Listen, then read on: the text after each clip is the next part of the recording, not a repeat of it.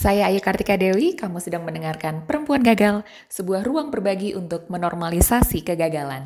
Selamat mendengarkan. Hai, Hai. apa kabar? Terima kasih udah ikutan. Sama-sama. Uh, udah mau diajak ngobrol. Ceritain dong, uh, siswi dia tuh siapa? Saya adalah seorang kapiten memiliki pedang panjang.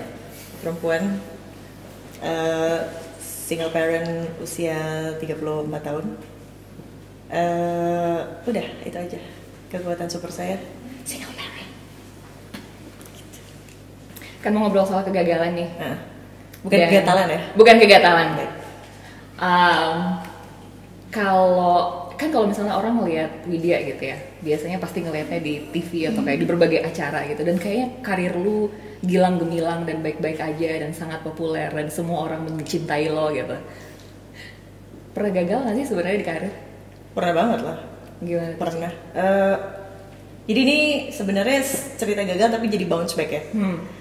Waktu itu obsesi banget jadi presenter sebuah uh, channel musik ternama di dunia dan akhirat bernama MTV. Hmm. Langsung generasi MTV pada nongkrong semua kan. Nongkrong. Oke. Uh, obses banget dan jalan waktu itu sudah begitu nyata. Hmm. Saya bahkan pernah jadi uh, presenter tamunya, host VJ host pada saat itu namanya di MTV Indonesia pada saat itu sudah buka cabang di Indonesia. Uh, tapi waktu itu saya waktu masih SMA Hmm. dipilih antara mau karirnya lanjut karena saya tinggal di Cimahi, Iya. sebuah kota kecil yang waktu itu belum ada Cipularang jadi 7 jam Iya. dari Cimahi ke Jakarta. Terus ya udah pilihannya kayak mau sekolah atau fokus ini, sekolah atau fokus ini. Twisted, my mom waktu itu bilang nggak harus sekolah. Jadi itu patah hati banget merasa jadi orang yang gagal padahal kayaknya puncak dari segala puncak adalah berkarir menjadi VJ MTV.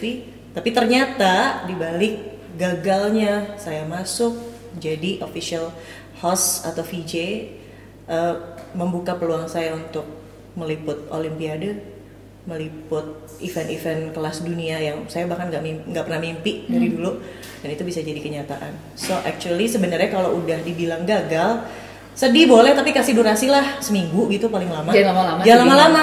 eh. abis itu move on dan sebenarnya yang paling penting adalah being grateful. Being grateful itu yang akhirnya bikin oh iya ya oh iya ya dan kita kayaknya punya Tuhan gitu ya buat pegangan.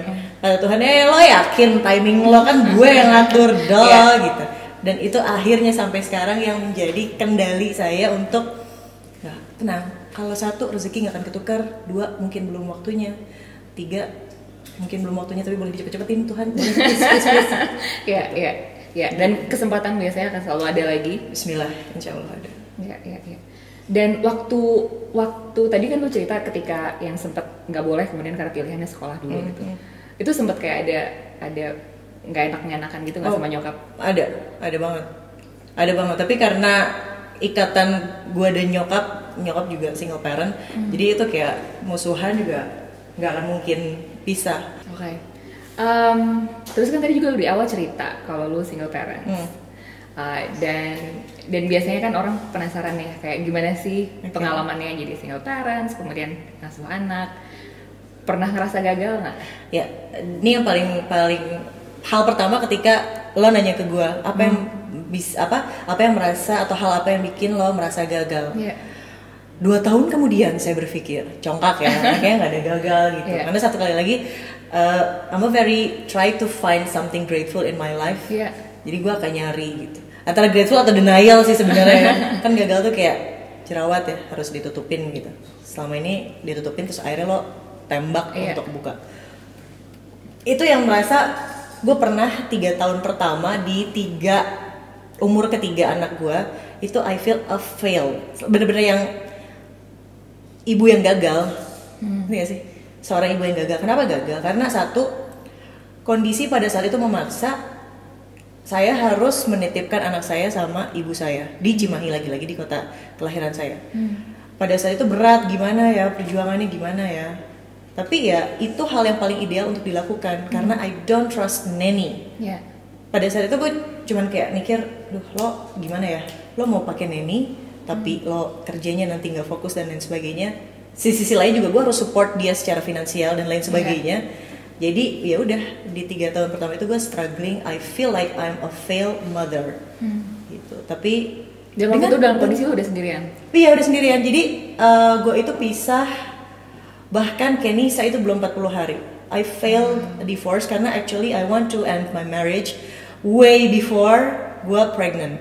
Jadi waktu gue pregnant itu gue pikir oh ini tanda dari Tuhan, anda tidak boleh bercerai gitu Iya. kan. Akhirnya selama perjalanan gue merasa bahwa no this is not failure, this is something that I have to do. Karena kalau enggak gue nggak bisa hidup dalam toxic relationship. Kalau ada orang bilang oh jangan cerai kan buat anak, hell no man. Anak lo nanti mau jadi psikopat kalau lo tiap hari berantem dan lain sebagainya. Iya. Tapi yang paling berat adalah berpisah secara jarak dan fisik di tiga tahun pertama, eh, sorry empat tahun pertama ya, empat tahun pertama. And it's really hard karena I'm a weekend mother jadinya. Jadi ketika weekend libur baru ketemu sama anak gitu, cuman punya waktu dua hari setengah lah paling lama gitu. Uh, it's killing me inside every time we say goodbye. Jadi gue terus Ini sampai sekarang. Enggak, untungnya udah enggak. Oke. Anak gue udah sengklek juga kayak mainnya. Oh, baik. Nah, jadi kayak kalau lama-lama eh, bun bun dia manggil gue bun bun. Hah. Bun bun kok lama-lama sih di rumah nanti aku sekolahnya gimana? Karena gue selalu bilang kalau gue kerja itu buat sekolah lo, Hmm. oke? Dia kayak jadi panik. Loh, kok lo lama sih? Loh, kok bisa liburan Nanti gue gak bisa sekolah lagi. Nggak bisa sekolah lagi gitu. Iya. Jadi akhirnya gue berhasil menanamkan mindset itu. But it's really hard. eh, tiga tahun pertama itu gue harus gigit lidah. Hmm. Setiap gue say goodbye. Aku kerja dulu ya. Aku play cool. Oh ya, yeah, everything's good. Di jalan. Gitu. Iya. Jadi periode itu memang harus ada dilewati dulu kayaknya gitu. Tapi akhirnya balik lagi. kena- Kenapa gue merasa gagal? Karena ya itu ada standar yang di apa ya, yang dibentuk sama sebuah society bahwa the ideal family is mother, father, and son or daughter Dan hidup bareng. dan hidup bareng gitu. juga sempat ngobrol kayak soal kadang-kadang tuh kayak society kan minta kita untuk bersikap kayak gitu waktu itu yang paling paling berat ketika orang nanya apa sih atau ngomong apa sih Kamu gak kasihan sama anaknya? Kok bisa sih? Kok kamu nggak? Kok kamu selfish? Kok kamu selfish? uh, apa namanya cerai? You have no idea what I've been through. Jadi mama the only one person yang tahu. Dan ketika aku say divorce, nggak ada tuh kayak dari mama untuk aduh aduh, cuman kayak dibawa sholat sudah, dibawa istiqoroh sudah, sudah berkonsultasi dengan pemuka agama sesuai yang diajarkan dalam agama kita ke pemuka agama, ke psikolog, even ke sex therapist and all. And I know I don't think I'm going to spend the rest of my life being toxified by all those relationship and also my daughter. Iya, iya. My precious. Ya, Cucu. dan penting banget sih untuk punya punya apa ya kayak lingkaran hidup tuh yang yang nggak toksik Yes. yang supporting gitu Kayak lo. Oh. Kasih efek efek efek efek. dan kalau misalnya ini sampai sekarang uh, Kenisa masih di Cimahi masih. oke berapa sering sekarang ketemu Uh, I try my best itu setiap minggu, Ya. either aku yang ke sana atau dia yang ke sini. Ya, ya, ya, Karena ya. sekarang gue alhamdulillah sudah menyewa sebuah tempat yang lebih proper. Kalau dulu kan kayak cuman kamar kos doang gitu. Kalau sekarang tuh rumah dan dia bisa main yang memang menghabiskan quality time sama gue gitu. Jadi kalau misalnya ada weekend nanya, "Wait lo weekend libur?" Iya, tapi I always prioritize my daughter gitu. Yeah. Kalaupun misalnya gue harus bekerja, gue bawa dia Yeah. biar dia tahu, "Hey, this is the way I work my ass off to pay your school and all gitu." Iya, iya. Tapi dia malah kayak uh, have someone to look up to bahwa Yeah. kalau dari kecil itu tuh lihat Bun Bun aja udah kerja dan lain sebagainya. Jadi Yeah. you have to be very independent. Iya, Just iya. like your Betul, betul. Dan itu kan penting banget kan. Jadi secara meskipun lu nggak lu nggak ngomong gitu, tapi lu kan sebenarnya ngasih role model buat buat anak lu bahwa ini loh kalau hidup tuh ya memang harus harus bekerja keras, perempuan harus bisa mandiri gitu. Supaya nggak jadi perempuan gatal. Pesan-pesan buat perempuan lain yang sedang nonton ini. Uh, you're not alone, kalian tuh nggak sendiri. Problemnya tuh yakin banyak sebetulnya yang mungkin serupa apa yang dengan kalian uh, sekarang alami. Cuman karena itu tadi kegagalan atau kamu merasa gagal, jadi akhirnya ditutupin Iya. dan akhirnya merasa jadi, aduh nggak normal nih. Iya. Uh, gue dan- kayaknya sendirian sendirian, Sendirian. ya. dan gue ngerasa dia gue bego banget sih kayak gini aja gue gagal gitu. Iya, padahal enggak kok gitu loh.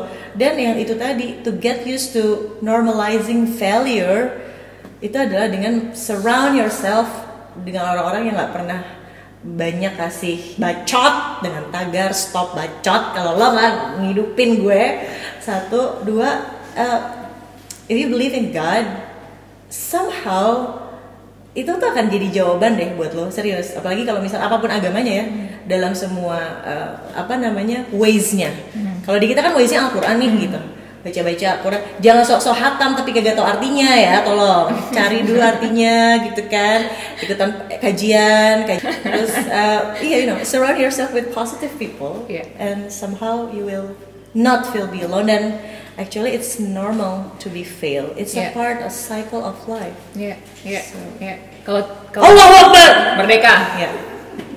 Jadi gue pernah pernah bilang tuh kayak you need to surround yourself with people who see your failure as a sign of resilience. Yes.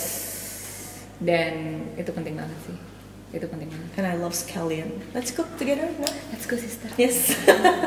Thank you for having me. You're not alone kita bukan eh kita lebih baik jadi perempuan gagal daripada, daripada perempuan gatal. Sampai jumpa. Dadah.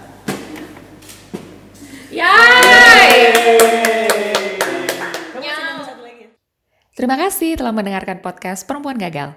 Kalau kamu merasa podcast ini bermanfaat, silahkan bagikan ya ke teman-temanmu atau share di Instagram dan tag kami di @perempuangagal.